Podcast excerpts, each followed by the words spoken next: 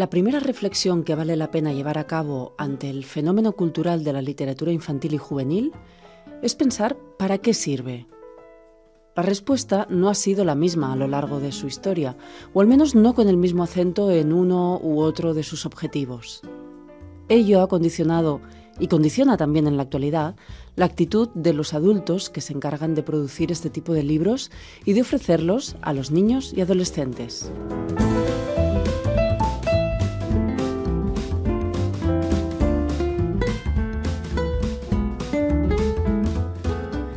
Sigueu benvingudes i benvinguts altra vegada a Tàndem. Comencem aquí un nou programa d'aquest podcast sobre literatura infantil i juvenil i mediació literària.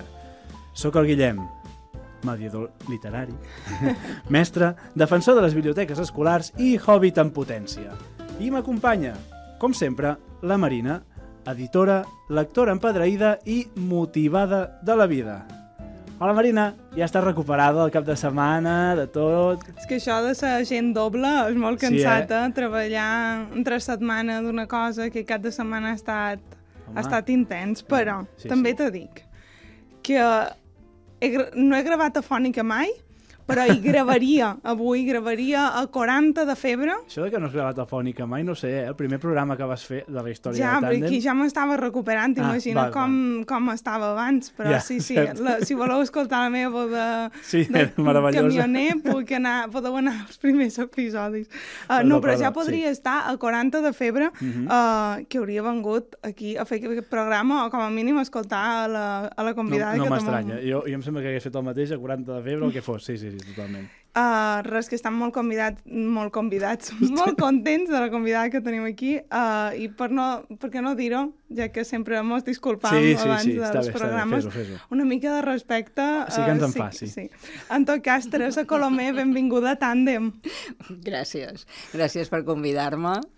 Val a dir que jo us coneixia, que heu estat alumnes, Sí. sí. com tanta gent, i això m'agrada molt, de veure que alumnes meus continuen amb el món dels llibres. I tant.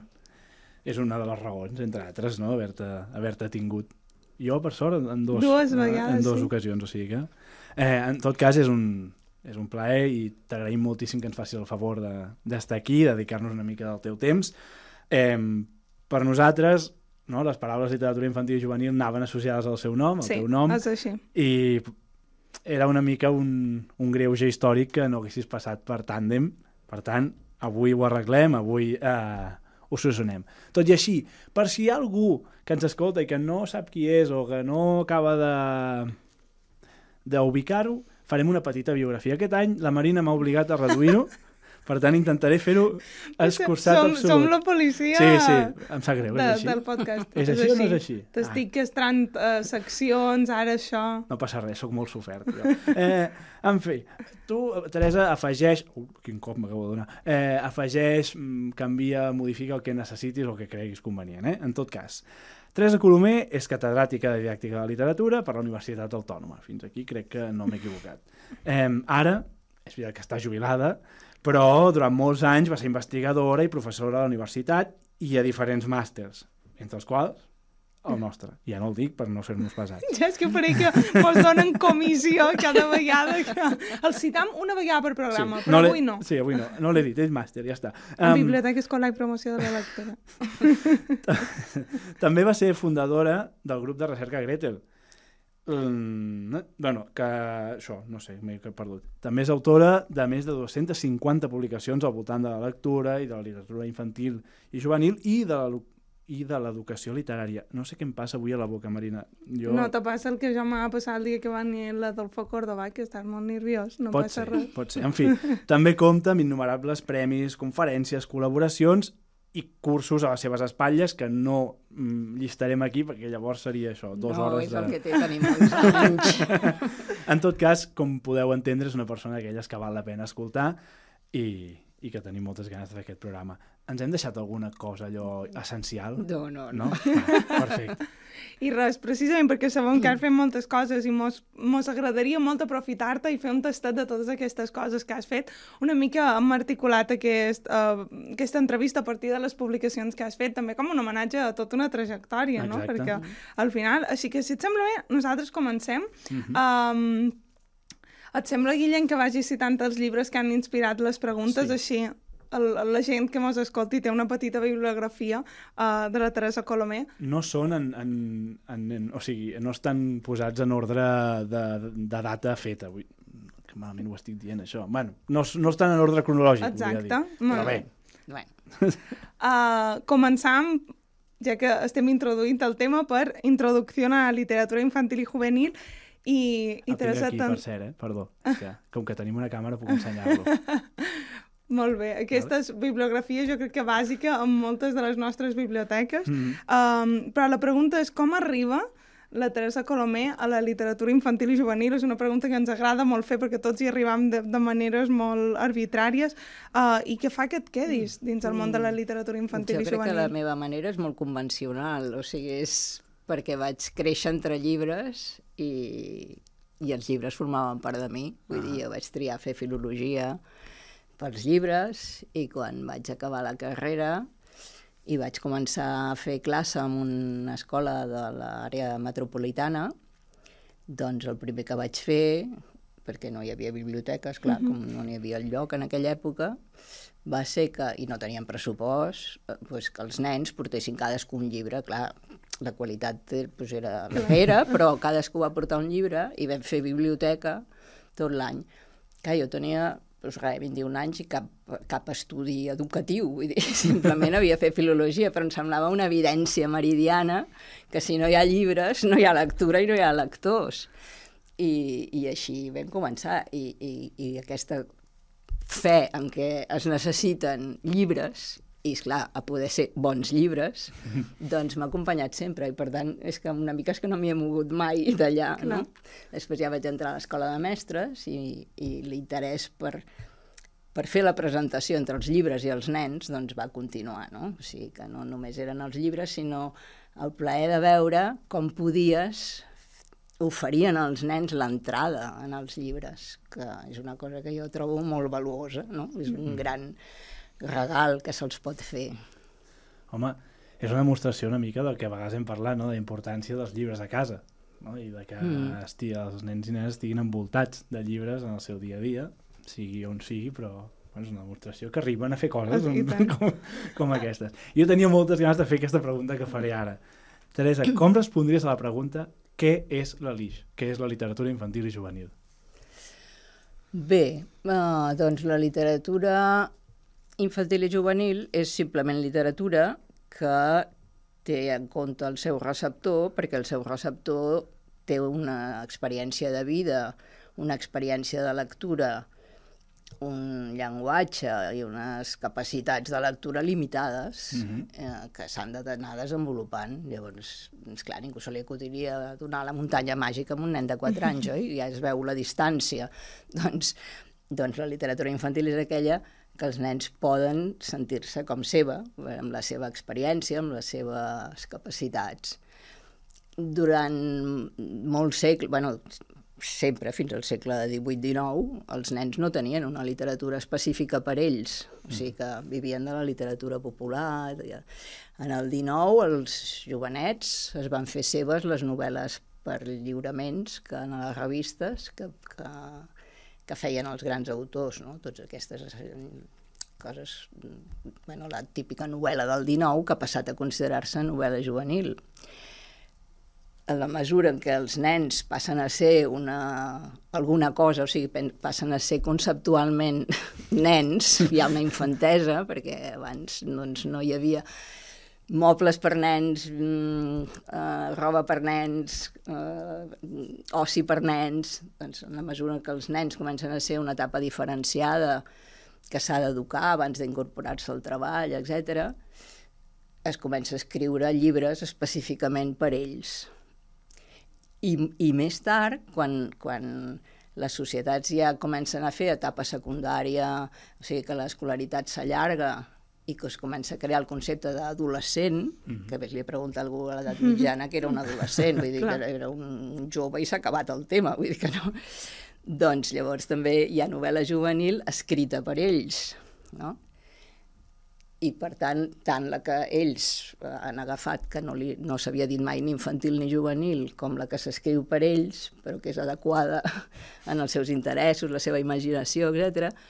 doncs això és el que en diem literatura infantil i juvenil. Un xapó. Bé, en fi, és, és això, és això. Molt bé. Ara, doncs... Res, que estava, dic, ara enteneu perquè quan anaves a una classe era, era divertit. En fi. No, això és una resposta molt simple, eh? perquè hi ha hagut rius de tinta discutint això ja. i, i dient que això no era literatura, que això era només narrativa, que això no era uh, poesia, que era versificació, que això, no sé, hi ha hagut molt, molt... Hi ha rius de tinta amb això, eh? Jo ara no, he anat sí, sí. Ràpid, la versió, i el la que versió. em sembla útil per moure's. Sí, no, no. Ja, al final ja sabem que el temps és limitat i que, sí. per tant, les respostes també, eh? En aquest sentit. Clar, i a partir d'aquí qui vulgui no, seguir Exacte. aquesta, aquest fil. Uh, en qualsevol cas, el següent llibre que, que citarem aquí de la Teresa Colomé és la, la literatura infantil i juvenil catalana, Un segle de canvis, introduc... ah, un se... i Ja ja, està, està. Un segle de canvis. Um, des que tu vas començar a investigar, i sé que aquestes preguntes um, són una mica marcianes, no? sí. Perquè costa molt sistematitzar tot això, però des de que tu vas començar a investigar, com, com va anar canviant la Lix uh, en, aquí, catalana? Quines, quines grans diferències vas notar al llarg de tots aquests anys? Bueno, des dels anys 70 fins ara, la literatura infantil, no només aquí, sinó a tot arreu, ha canviat mm. moltíssim. O sigui, per començar, s'ha desenvolupat tota una indústria de la literatura Sí. infantil que no existia. Eh? Les editorials han apostat per això i ara és una part important de la seva factura. Tenim fires, tenim...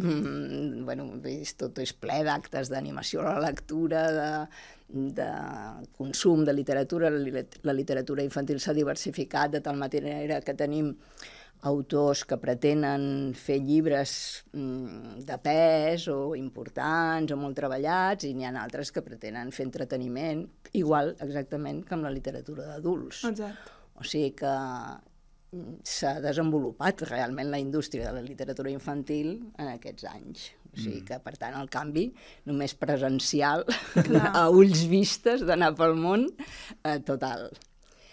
També ha canviat molt eh, el tipus de literatura, perquè jo vaig fer la tesi justament dels llibres dels anys 80, perquè em semblava que aquí va ser en els anys 80, a altres països un pèl abans, perquè clar, aquí sortíem de la Clar. dictadura i tot anava més endarrere, però just en aquests 70s, 80s, hi ha un canvi molt important en part perquè es comença a produir la indústria, però també des del punt de vista conceptual, és quan es reivindica que això és literatura realment i quan els autors entren en una innovació de formes, de recursos amb la literatura, entra també la imatge, comença a entrar la imatge amb els llibres, o sigui que hi ha com, una, com un final i començament d'etapa.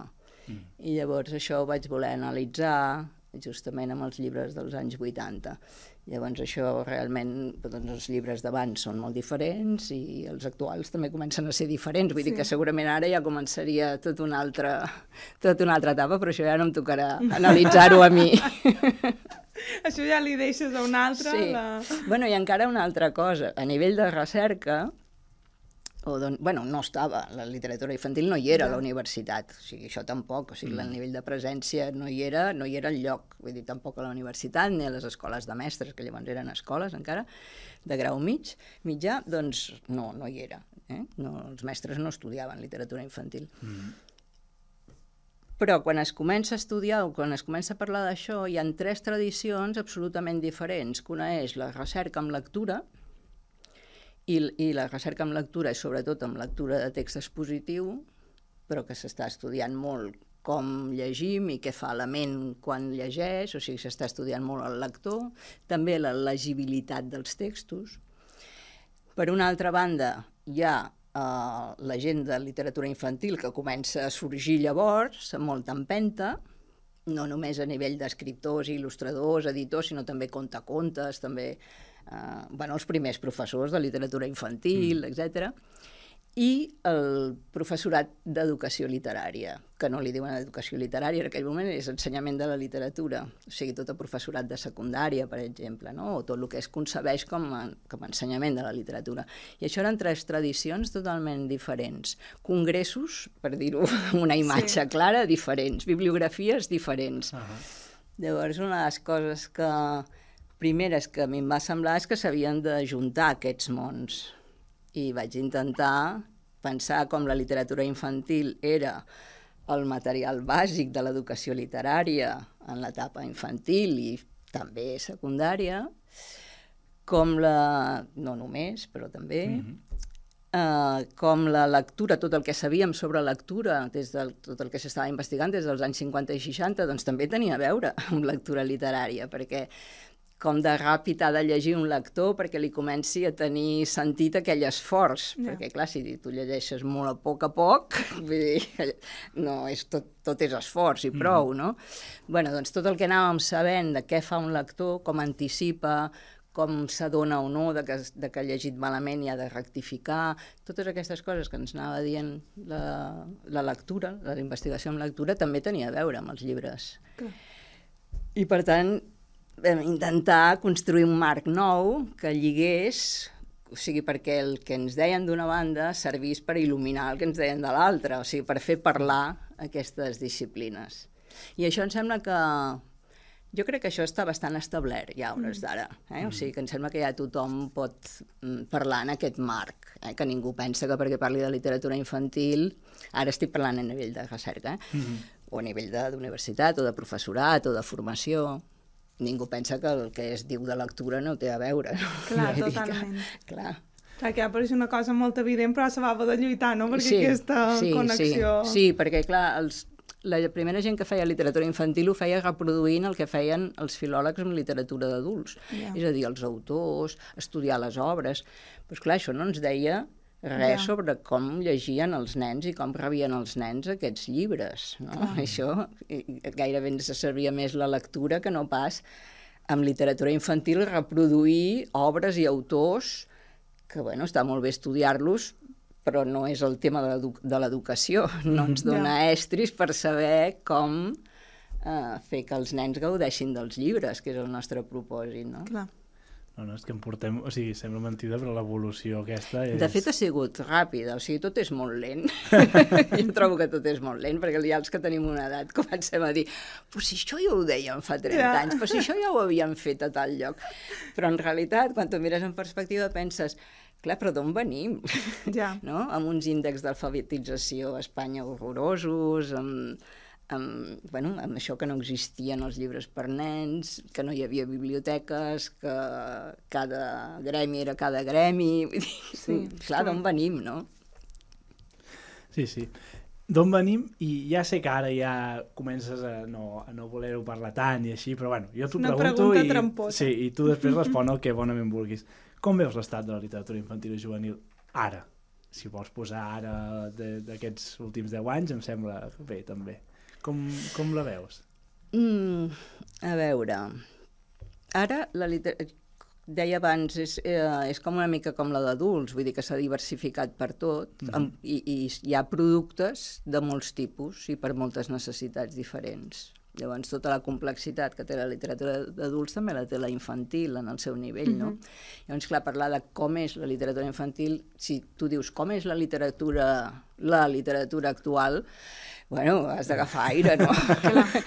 doncs amb literatura infantil jo crec que afortunadament també comença a passar això, de que, de què parlem, de la literatura punta, que innova, que experimenta, que, que relaciona codis amb la imatge, que, o, o, del conte d'entreteniment que, que del conte objecte per a infants, bueno, perquè una altra cosa que ha passat és que amb aquest desenvolupament s'han anat creant tipus també adreçats a franges d'edats diferents. Mm -hmm. O sigui, quan es comença a reconèixer la literatura infantil i els nens, la infantesa, surten llibres per nens, per aquesta etapa de la infantesa, perquè ara seria primària, per entendre'ns. Mm -hmm.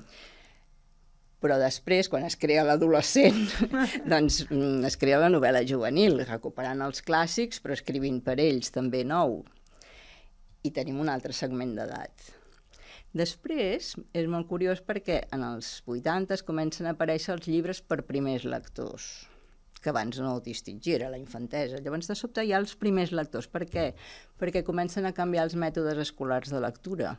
I en lloc de les cartilles, mi mamà me ama, el filòsof de telefonea, doncs eh, comença a pensar-se que els nens han de començar a llegir a partir de llibres. Clar, llavors no hi ha llibres que expliquin coses interessants a l'alçada de nens de 6-7 anys, i, en canvi, tan fàcils de lectura com les seves dificultats. Vull dir, si un nen s'ha d'esforçar molt, i ara em surt una frase que tinc escrita per no sé on, sí, per no, per no em repetiré, si el nen ha de llegir molt a poc a poc, Martina va al mercat, doncs, mira, és que és igual que la clar. Martina vagi al mercat, m'entens? Però, és clar, què trobes que sigui tan bàsic i que, en canvi, apel·li alguna història interessant? Clar, aquí la imatge va ser molt important, ja. com la imatge facilita la construcció d'històries més complexes, mm amb, amb un text molt ben buscat, molt ben treballat, etc. no? Com de fet, vaig estar estudiant un temps com els llibres de primers lectors ajudaven el lector en, totes les, en tots els mecanismes de lectura, d'anticipació, de recopilació del que se'ns ha dit, de eh, com ajuden. I, I és veritat que els bons llibres de primers lectors ensenyen a llegir en el lector. Eh? Són com un altre tutor que els va ajudant a llegir perquè clar, aquí hi havia un problema. Clar. I l'últim segment d'edat que havia quedat despenjat, bueno, que encara no s'havia enfocat, en els últims anys trobo que sí que s'ha enfocat, que és el dels, el dels nens més petits, o sigui, sí. abans dels, de començar a llegir, no? Uh -huh. Els llibres per nadons, els llibres objecte, en aquí hi ha un camp molt, no només d'imatge, sinó d'objecte, els llibres que juguen molt amb, amb el llenguatge que li llegirà l'adult, que hi ha molt rodolí, que hi ha molta cançó, que hi ha coses divertides molt petites, o coses d'observar, que llavors lliga... bueno, tots els recursos que estan desplegant els llibres per més petits, que era l'últim segment que ens quedava sense tocar, diguéssim. Eh? O sigui que la literatura infantil ha canviat molt perquè ha agafat molts fronts diferents i ha hagut d'enfrontar reptes de la, pels seus lectors molt diferents. Clar. I amb això ara tenim més, més coses que mai, més recursos que mai. Una cosa que trobo de la literatura infantil que en canvi em preocupa és que en els llibres dels 80, en aquest tall que jo deia, eren molt innovadors. Mm, mm. Bueno, no sé si era... En aquí lligava amb que entràvem amb la democràcia i tot era nou i tot era fantàstic. I en els altres països també sortien de tota la postguerra europea, tot això, i tot, bueno, Vull dir, no sé, si pensem en els maig del 68 o amb els hippies, doncs és evident que els llibres van traduir aquest esperit de contestació, de dir per què aquest tema no és per nens, de subversió de valors, els llibres no són per fer nens obedients, vull dir que van canviar els valors, van canviar les formes, va canviar moltes coses, no? En canvi, ara estem en una etapa molt conservadora, crec, a nivell mm-hmm. general, i eh, els llibres, els llibres reflecteixen l'època, yeah. la seva època la reflecteixen, no? I llavors són llibres molt preocupats pels valors, una altra vegada. O sigui, així com als 80, o bueno, en aquella època, eh, hi havia una cosa de dir els llibres moltes vegades eren llibres per ensenyar, no? a ser bo, a ser caritatiu, a ser... Doncs no, vull dir, la, això és literatura, i la literatura no és un llibre sobre tal cosa, ningú se li acudiria dir que la plaça de Diamant és un llibre sobre, Clar, sobre què, sobre quin és el tema. Vull dir, o per ensenyar, no, o per, per ensenyar fer... què. No, doncs, mm, no, no ho farem, això. És clar que cada llibre té una visió del món, no? Mm. Ensenyar doncs, a ser actiu i més innovador i no sé què també és un valor, també clar. estàs ensenyant, però no et proposes d'ensenyar, no? Mm. És com... Clar. bueno, doncs en aquest moment jo crec que sí, que, que, que una gran part dels llibres infantils que veig són per ensenyar, sí. o juvenils, que són per, ara toca el bullying, ara toca mm. l'homosexualitat, ara toca... O sigui, és una època molt amb ideo, ideo, oi, oi, bueno, igual, de molta ideologia sí. present, no? Molta, sí, sí. molt combat ideològic i molt, molt didàctic, molt d'ensenyarem als nens Clar. a ser d'aquesta manera. Ara no, no seran caritatius, seran solidaris, però estarem... Yeah. O sigui, són llibres que veus clarament que s'han escrit pensant ara farem un llibre per ensenyar què has de fer Exacte. respecte al bullying. Ara farem un llibre per ensenyar què has de fer respecte a l'anorèxia. Ara ens farem un llibre per ensenyar què has de fer eh, respecte a la migració. No? Clar, mm, Clar si això li... tornem a l'època, és literatura Clar. o són sermons educatius ben amanits, mal amanits, amb això també sempre hi ha llibres que, malgrat tinguin un propòsit didàctic, dius, mira, però està bé, eh? Clar, està ben resolt. Però, clar, la majoria, si tu comences un llibre pensant que vas a fer això, normalment no et surten bé. Eh? És que a més com si la literatura no, no pogués fer totes aquestes coses, gestió de les emocions... Clar, no, no més, de, més, clar. Ostres, um, te permet conèixer tu més que ho fa, perquè la literatura profunda, és el discurs dels humans sobre els humans, clar. vull dir que... I tant fa, si ho fa. A mi em fa gràcia perquè és aquesta cosa que parlàvem abans d'entrar, no? Que és com que tot tot tira enrere, o el sí. que deies tu ara, no? De, amb les biblioteques escolars, vinga, tornem cap enrere a començar, no sé què, no, no, no bueno, tant potser, però sí que... Això és més aviat com un pet que hi ha de les coses, vull dir que sí, sí. això no és tant que ja hi haguem tornat, sinó que, clar, la situació és diferent. Clar. Llavors, bueno, ara, ens to... ara llavors era una època més innovadora, ara ens toca una època més conservadora, i, i això es tradueix. Però és veritat que a mi em costa més ara veure llibres sí. uh, que trobi que estan molt bé, perquè la majoria ja de seguida són didàctics. Llavors, bueno, poden ser bonics, poden estar ben narrats, però hi ha tant pes yeah. sí. d'ara tractarem aquest tema que, buf, és que, de fet, jo, quan estava amb el mòbil, estava cercant que, que la Piu l'altre dia va fer una formació, la Piu Martínez, i vaig llegir un tuit d'una noia que, que explicava això, com havien xerrat de, de que la literatura abans del 2000 era molt més, sí, jo crec que també se centrava en anys 70-80, mm. uh, molt més innovadora i que tal vegada aquí haurem d'esperar a la dècada dels 30 per tornar a mirar de per fi estem començant a sortir d'aquesta etapa tan... Mm. No? Tan, tan, on hi ha tan poca innovació. Sí, sí. Mira, i parlant d'això, ens ho has posat molt en safata per, per la següent llibre que volíem presentar, que era el de Siete llaves per a valorar eh, ah, les sí. històries Imprescindible, per favor. Sí. I, I que es pot bueno, recuperar llibre, gratuïtament. A exacte, aquest llibre es pot baixar de la plataforma de Gretel, per això, vull perquè, que... és clar, no es troba. Eh? Sí. Això és un seminari que la Fundació Germán Sánchez Ruiz Pérez, em va, que és una fundació bueno, que ara està a Madrid, abans estava també a Salamanca i té una, una un edifici important a Salamanca, em va demanar una formació per la gent de la seva biblioteca i de la fundació que feia moltes activitats sobre lectura i literatura infantil. I jo, però era gent que sabia fer moltes coses, vull dir que eren molt espavilats, la veritat, vull dir que trobava que no calia que jo els anés a fer una formació en aquest sentit. Yeah. I llavors vaig dir, bueno, per què no ho fem com un seminari de, entre tots? I llavors vaig incloure alguns noms mm, d'altra gent, de, de d'Espanya que anessin en allà i entre els de la Fundació, jo que ho vaig dirigir i aquesta altra gent que va fer, vam fer un seminari.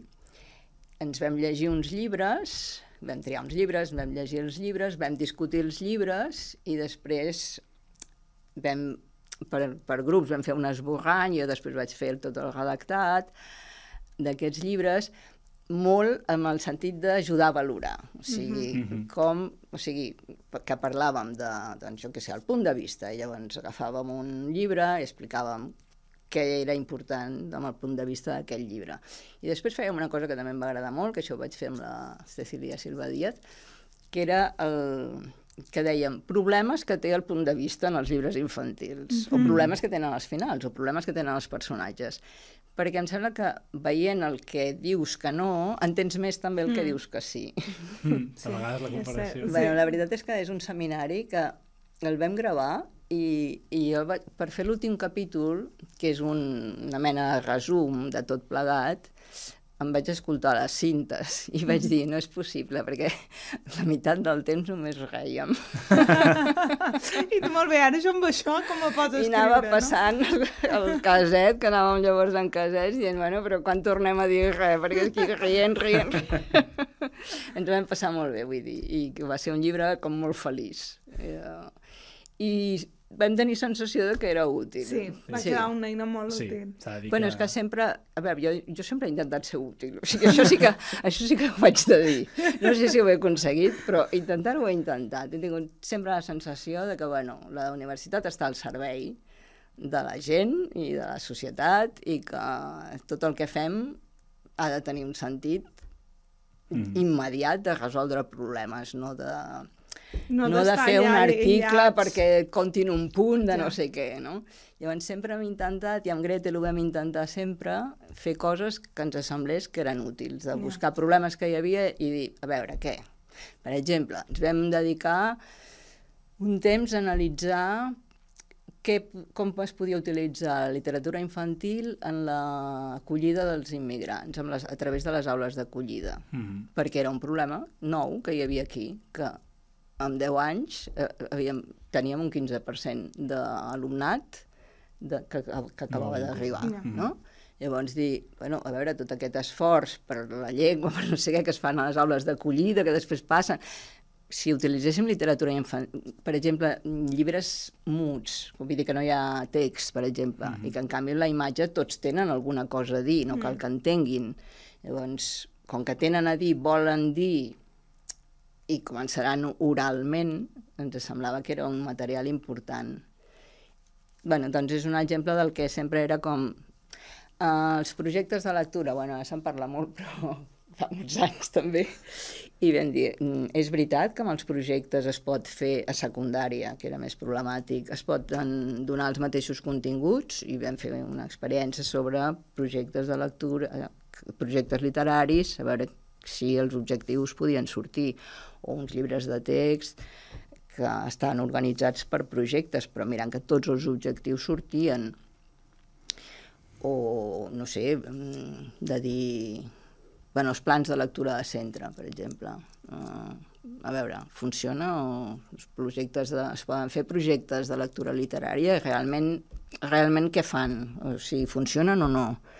O sigui, hem anat sempre a mirar coses Pràctiques. pràctiques que hi havia, doncs si realment funcionava, si es podia dir que sí, si oferir eh, resultats, perquè al final el que importa és el que podem aportar i, i com es difongui i com la gent ho pugui fer seu, no? Mm -hmm. Que bé, tant de bo tota la universitat fos així, no? Però uh, a partir d'aquest llibre te voldríem Sí, sí. demanar uh, per, per qui no s'hagi llegit el llibre, que una altra vegada el teniu d'accés lliure, sisplau, consulteu-lo, però um, quins aspectes consideres que són fonamentals per, per poder saber si un llibre és de qualitat o no? Res, quatre pinzellades. No, ara defugiré les pinzellades, perquè, clar, no hi ha una cosa de dir, no, és que el personatge... És que... Vull dir que, clar, són, és una obra, és una construcció que ha de funcionar, diguéssim, no? Però, com ho saps? Jo crec que...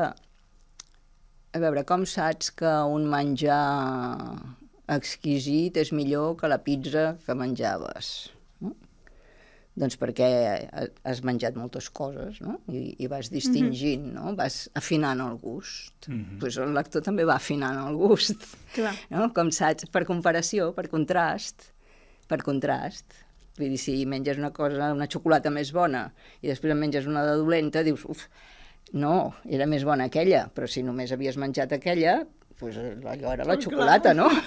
o sigui que per, has de llegir molt i, i això et va fent pujar, i si puges no retrocedeixes. Bueno, pots retrocedir, sí, clar, vull dir, pot, no sempre vols llegir les coses Clar. més exquisides, també, si estàs allà tirat dir, un divendres al vespre, un, vols Clar. una cosa ben planeta i que et funcioni. Vull dir que la literatura té moltes funcions, però tu les saps i saps distingir.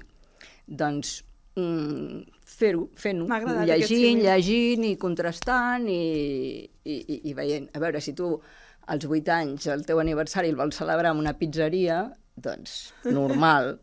Però si tu als 50 anys vols celebrar l'aniversari a la pizzeria perquè és el que més t'agrada, dius, home, noi, doncs no has progressat gaire a la vida, no? doncs això, vull dir, així els lectors ho saben, si el llibre és bo. Llavors, llavors el poden analitzar mm. i dir, mira que ben construït. Per què em produeix aquesta impressió? Per això, per això. Ai, no havia vist que això, de fet, lliga amb no sé què. O sigui, que li van trobant gràcies i gràcies. Aquí està també l'avantatge de compartir-ho, mm. perquè un veu coses que tu no has vist i això et fa que t'agradi més. Però aquella sensació de perquè és bo, és com immediata per un lector. És que això és bo, és que aquesta xocolata és més bona i ja està, no? Fantàstic, és un bon, molt bon resum. Ara volíem presentar un altre dels llibres, aquest és dels més recents, de fet, que és Narratives literàries en educació infantil i primària. Mm. Aquí ho teniu.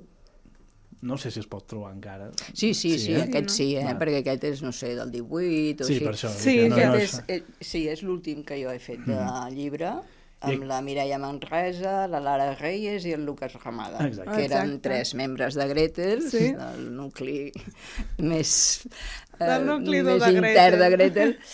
I, I sí, ja el vaig fer com sabent que em jubilava aviat. Vull dir que estava... Jo sempre he estat preocupada per, per la planificació, l'organització i els objectius, perquè penso que si la gent sap on va, és creativa buscant maneres d'arribar-hi. Ara, si vas fent coses sense saber a on vas, clar, no saps ni si arribes ni si no hi arribes. Vull dir, clar, què volem que sàpiguen fer els nens quan acabin el nostre curs o quan acabin l'escolaritat, no?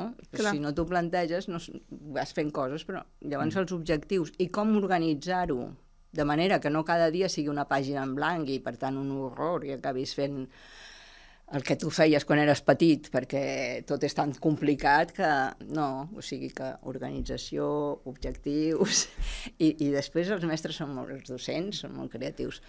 Doncs mm, jo estava molt preocupada amb això dels objectius i una de les últimes tesis, em bueno, no sé si eren les últimes, però una tesi que vaig dirigir amb la Martina Fittipaldi, que també és de Gretel, Mm. Era sobre objectius. Vaig dir, parlem d'objectius, Martina. I, I què, no? quins són els objectius d'educació literària. I llavors vam fer aquest llibre eh, pensant a infantil i primària, vam dividir els capítols per objectius Mm -hmm. i parlant de per què és important això, què aprenen els nens amb la, proposant activitats, quines, què aprendran els nens fent aquestes activitats. O sigui, que també era molt pràctic en aquest sentit de dir, a veure, docents, què volem que, que aprenguin? Sigui, quines competències, ara que es parla tant de competències, quines competències han d'adquirir, dividim-les una mica i pensem quines activitats fem que sí que, les, que sí que hi porten, no? Això és el que ha de fer l'escola per crear un, bueno, per crear, per afavorir que hi hagi lectors literaris, aquesta organització, aquests objectius, tot això és el que hauria de fer una escola? Sí, Mm -hmm. uh, sí. A veure, uh, Segur que hi ha moltes coses eh, que hauria de fer, Però... A veure, parlant de lectura literària, una cosa bàsica, o sigui, aquest, el llibre aquest està enfocat en els docents de l'aula, Mm -hmm. i en aquest cas d'infantil i primària. A veure, jo crec que quan va començar a canviar l'educació literària, la primària va descobrir que l'animació a la lectura estava molt bé i, i fan moltes activitats d'animació a la lectura però poc de saber, d'haver-se plantejat on han d'arribar els nens i què hem de fer perquè hi arribin. Eh? I, llavors, això. I en canvi secundària està, que venien d'ensenyar eh, història, doncs han, han anat navegant, eh, han anat aprimant una mica els continguts d'història, però tampoc mm. no han acabat de definir. O sigui que el tema d'objectius em sembla que és molt important, tant a infantil com a primària. Llavors aquest va dirigit a infantil i primària i sí, són els objectius bàsics. Els podríem extrapolar a secundària, però esclar, el pes d'algunes de les coses d'aquí, per exemple, el, el pes que té el, a l'ús del context en funció de la interpretació Mm -hmm. uh, seria més important, o sigui que canvien pesos, canvien coses, eh? Mm, parlant de l'escola, de, de lectura, la biblioteca escolar és fonamental. Mm. Mm, bueno, jo per això també, eh, amb la Mònica Baró en aquest cas, Clar. i la Teresa Manyà, doncs sempre hem estat fundant cursos de, la, de biblioteca escolar fins al 2008, que vam fer el màster aquest que veig que citeu tant, sí, sí. de biblioteca escolar i promoció de la lectura. És que a més el 90% dels entrevistats l'han fet, no? L'han fet o han estat professors al màster. Al final és un món Sí. petit. Sí, sí, jo vaig fer aquest i vaig fer el màster de llibres infantils i juvenils a distància. El màster infantil i juvenil era a distància i, això, i era de títol propi. Això em permetia contractar professorat d'arreu del món Mhm.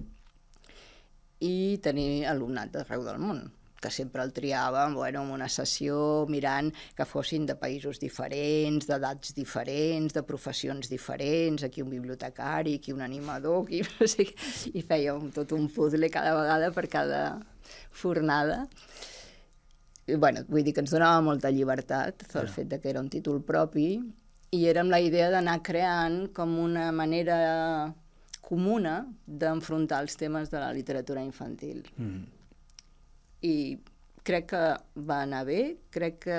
Mm, ara hi ha gent de Llatinoamèrica, per exemple, Felipe Munita, que havia estat a Gretel mm. i ara està a Xile, doncs em deia no saps, quan vaig a cada lloc sempre hi ha algú que ha fet el màster, diu, immediatament diu, ja saps que t'hi entendràs, no? O sigui que sí que jo crec que es va aconseguir aquest perquè bueno, el professorat era molt amb la mateixa línia i, i vam aconseguir aquesta mena de comunitat virtual sobre literatura infantil. I en canvi el màster de biblioteca el volíem molt arrelat aquí. Mm. Molt de biblioteques d'aquí, molt de Catalunya, molt de- d'anar a fer que realment les biblioteques escolars tiressin endavant.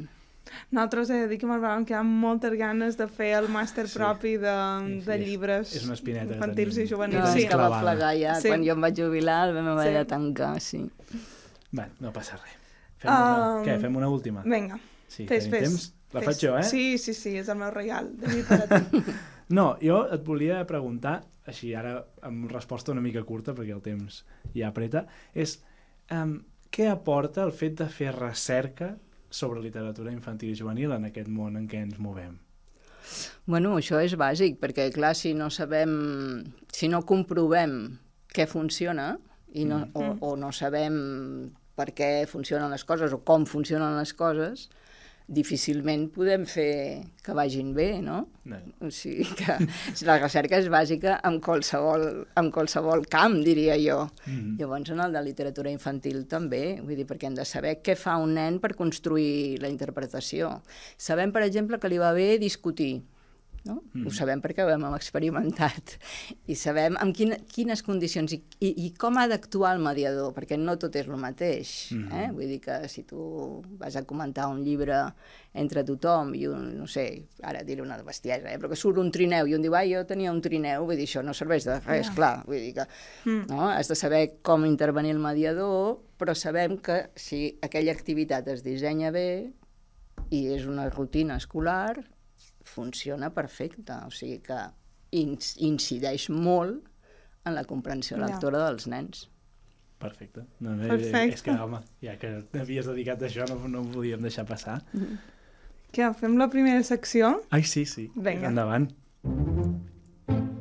Perdona, em pots fer una recomanació? Perfecte. A veure... Oh, i tant que sí que et podem fer una recomanació. Podríem canviar-li el nom cada dia i dir-li, no sé, per un nom diferent. Ah, perfecte. Avui qui és? No sé, Tu somia, somia, m'agrada. la, la, no sé, la Maria Josep. No, doncs la Maria Josep. Um, no, he de dir que tu i en Marc vos encanten els fils conductors. Sí, I sí. m'heu demanat que cada, cada programa tingui un fil conductor, Sí, perquè si no, no podeu viure. sí, o sigui, cada programa farem tres recomanacions, una cadascú, més o menys, i intentarem que tingui una cosa similar o que les uneixi. O no, ja ho veurem, això. Perquè... Més o menys és perquè avui ja t'ho saltes. No, Ah. per què? No, has dit una, No, cada no, un, no. més o menys. Ah, bueno, sí, avui ja m'ho salto, és veritat, sí.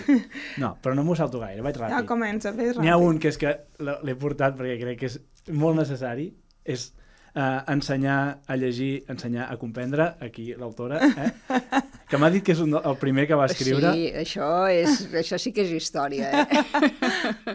Sigui que realment em valia la pena només perquè jo el tinc com a cosa així ja... Que... Relíquia. Sí, Com una... exacte. Sí, això és una relíquia ja, eh? Sí. Però després volia recomanar-ne una altra que, vaja, crec que és necessari que tothom el pugui almenys, si no, si no llegir, com a mínim escoltar que, Ja. com el llegeixen, perquè és d'aquests que es presta molt a llegir-lo en veu alta, a fer el burro amb ell, no? a poder... I a sobre té això, una, una seqüència, una manera de anar seqüenciant tot el que passa i després tornar enrere, que fa que sigui una història d'aquestes que, que necessiten ser llegides i que per mi és un, formen part del cànon de la literatura infantil i Sí, juvenil. perquè no em dic quin era el fil conductor. Ah, sí, el fil som conductor terribles, era- som terribles. Era llibres canònics o sí, alguna cosa així. exacte, c- clàssics o llibres que Però d'alguna has manera dit el títol? No, identifiquéssim amb el cànon. anem a caçar un os, però s'ha vist a la pantalla. Clar, per però, tant, però val, nosaltres juguem a podcast, eh? És veritat. Guillem? Anem a caçar un os del Michael Ro Rosen, Rosen, no ho sé mai pronunciar, i de l'Ellen Oxenbury, com a il·lustradora, per tant, dos grans. Uh, la meva sí, un recomanació... clàssic total, eh? Sí, no? Molt bé, molt bé. fet bé? Sí, sí, sí. sí. És, és, recomanar davant seu és una Ja mica no, jo, jo perillós, estic... eh? Perquè a més he fet trampes. Ah, sí? Ah, va, Sí, fantàstic. no sé si duc un llibre canònic, però crec que serà un llibre canònic. Vinga. Ah, això Um, encara té més gràcia. que, que és uh, el de l'evolució de la Calpurnia Tate, Massacre no l'he duit, uh, de la Jacqueline sí. Kelly, que és del 2009, per tant, dir que és canònic pot ser molt prest, però, però de veres estic convençuda que és Sí. d'aquestes històries que mm, podria estar escrita el 2009, ara o fa, o fa 100 anys, no?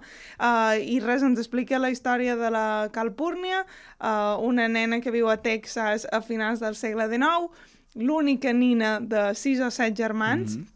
I té una sensibilitat especial per la ciència, no? De- Aquesta manera d'observar d'un naturalista i té, uh, per sort, un, un predí, un avi al, al costat que molt interessat en ciència, que és l'únic que veu aquesta inquietud que té la, la calpúrnia i tot el llibre el vertebra l'origen de les espècies que van encapçalant cada capítol amb un, amb un fragment i, i que és la descoberta de, del món de la calpúrnia amb totes les injustícies que hi ha en aquella època, racials, de, de gènere, res, és que per això és un llibre... Mm, Apa, Excepcional. Doncs mira, des no, de endavant. el nen que llegeix eh, anem a caçar un os, o sent llegir, Mhm. eh, sent cantar gairebé. Sí, eh, pràcticament. anem a caçar un os. A la Calpúrnia tenim Sí. tot la- l'itinerari del lector. Exacte. I ara veurem el que ens ha recomanat el Marc, perquè també em sembla... Què, Marc, tu, tu què hi dius?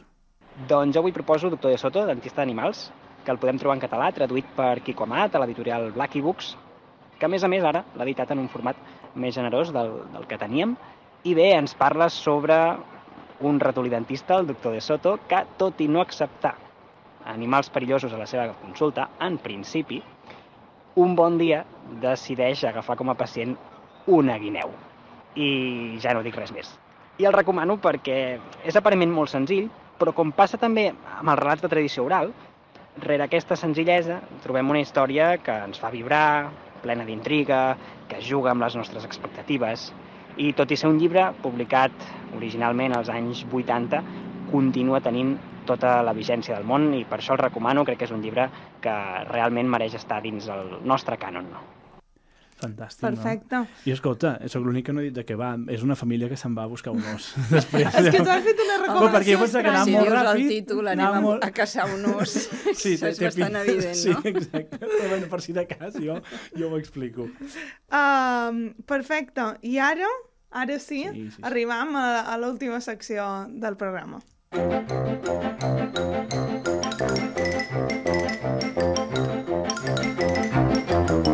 Les preguntes llampec. Doncs bé, anem a les preguntes llampec que et farem a tu. Teresa, aquestes no te les he passat, per tant, és, és ara in, improvisació i són preguntes que has d'intentar respondre el màxim de ràpid possible. Val. Dins bueno, les altres tampoc me les has passat. Vas dir el tipus de preguntes. Sí, de fet, li he passat, però després eh, és aquestes coses que ja hem explicat més, més d'una vegada. Eh, primer, digues eh, un personatge de literatura infantil o juvenil que et caigui realment malament. Ostres. Ah, Hmm. Uh... pot ser el primer que et vengui al cap. Segurament quan arribis a casa diràs aquest l'odiava encara més, però... No sé, costa molt de dir, eh? Potser l'adversari del Harry Potter, el, El Voldemort. el Voldemort, Ah. Déu-n'hi-do, eh? Home, Sí. Aquest és, dolentó. és, dur, eh? Sí. Val, molt Bueno, bé. que Com ja no? me l'he mirat des d'adulta, per això. No sé, clar, Clar. els que em feien por de petita ja no ho hauria de pensar més. Bueno, també, també és un, eh, com a adults també podem generar. Sí. Sí, i tant. Molt bé. Amb quin autor, autora o creador o creadora eh, teni- t'agradaria anar a aprendre alguna cosa? Pot ser viu o mort, aquí podem... Ressuscitar. Oh, no sé, els que... El Kentin Blake, per exemple, Perfecte. perquè té un tipus de, de dibuix tan divertit i tan... Bueno, que em sona que deu ser un senyor encantador. I Té tant. pinta. Ens apuntam. I l'última. Quin llibre no pot faltar mai a la teva tauleta de nit? Bueno, van variant els de la meva tauleta ah, de no nit. sé, no sé, no sé, no sé. perquè no tinc sempre el mateix. Perquè... Hi ha, hi ha gent que diu, no, sempre ah, tinc diferents, però a vegades sempre Sí. hi ha aquest mateix. O no, no El sé. llibre que no pot faltar. Per tu. A veure, la meva tauleta de nit va variant constantment. Doncs ja està, potser, potser, no. potser ve per aquí, el que deies, no? La diversitat i anar llegint, doncs ja està. El que, el Sí. que hi ha és diversitat de llibres i s'ha acabat el, el problema. Sí, crec No? que hi ha tant a llegir que m'encanta tenir experiències molt diverses a través de la literatura, perquè és el que més... l'arma que tenim més potent per viure des d'una altra realitat, no? Llavors, m'agrada molt traslladar-me de temps, d'espai, de, de mentalitat, i sí, tinc una tendència més a llegir que no a rellegir. Mm -hmm. En canvi, de petita rellegia molt, perquè tam- tampoc tenia tants llibres, yeah. tenia menys que el meu afany lector. I Llavors hi ha llibres que havia llegit tantes vegades que gairebé me'ls sabia de memòria. No? Però com Bonic, això. Mujercitas o aquests llibres, bueno, eren... Clar, era com tornar a casa una mica. Era, o sigui, em recordo molt davant de prestatge pensant a veure, quin em ve de gust tornar a llegir. Sí, que això era una experiència que a hores d'ara no deu tenir cap nen, no? Ja. Quin em ve de gust tornar a llegir per enèsima vegada. Potser és per això que ara no ho faig. Està bé, no, no? Escolta, aquí Doncs ja vaig rellegir molt. Tinc una extra, de fet, també ha de ser de resposta ràpida. Vinga. Jo he llegit en alguna entrevista de fa un temps, Mm. És com em preparo les entrevistes, eh? eh que vas dir que quan et jubilessis potser voldries provar d'escriure alguna obra Caram. literària o una cosa literària. Esteu Com, com, molt informats. com està això? Gairebé més que jo. com està aquest tema? Equipo d'investigació. Bé, mm, bé, continua com una fantasia Ah, va, possible. Val a dir que em vaig jubilar just amb la pandèmia, o sigui que era com... Clar, no que no sé si era la Mònica Baró que em va dir, "Ah, eres tu que aguantaves el món. Clar, se'n va anar I tot a llavors vaig Norris. escriure, en aquell tancament vaig escriure alguns relats de, de vocació d'infantesa, però més aviat pensant com amb la família, de passar-los amb ells, així perquè m'ho passava bé fent-ho, però com qui toca el piano i, i t'agrada que al fons de la casa soni un piano, saps? Mm -hmm. O sigui, en aquest Ja. mateix sentit d'escriure. De, d'escriure de veritat, pensant en un públic. Per exemple, pensant en literatura infantil, em faria gràcia, però no per publicar o per res, sinó per, perquè com que m'he passat la vida valorant com una cura d'humilitat gairebé, la sensació de veure on són les dificultats, Ja. perquè és tan difícil. Sí. Bueno, doncs a veure L'estem si... esperant amb ganes, sense pressió, però l'estem esperant amb ganes. Uh, res, Teresa, moltes gràcies per venir a, a Tàndem, ha estat un gust escoltar-te. T'agraïm moltíssim el temps, Moltes gràcies a paraules i vosaltres i, a l'obra que feu, que és fantàstica. Gràcies. I ja Moltes teniu un munt de podcast que, que, bueno, que ho mires i penses, ui, aquí em puc passar la vida escoltant, eh? Sí, sí que són hores, sí. Quina, que pesadets, també. Moltes gràcies.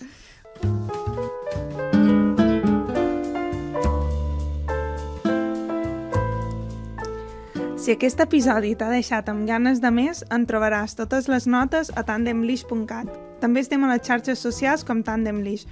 La producció, el guió i la idea d'aquest programa és de Guillem Fargas i Marina Llompart. El logo i la identitat gràfica és de la, Cristina, de la Maria Mora. Perdó. La magnífica sintonia és de Carlos Arjona. El disseny gràfic, ara sí, és de la Cristina Rubió.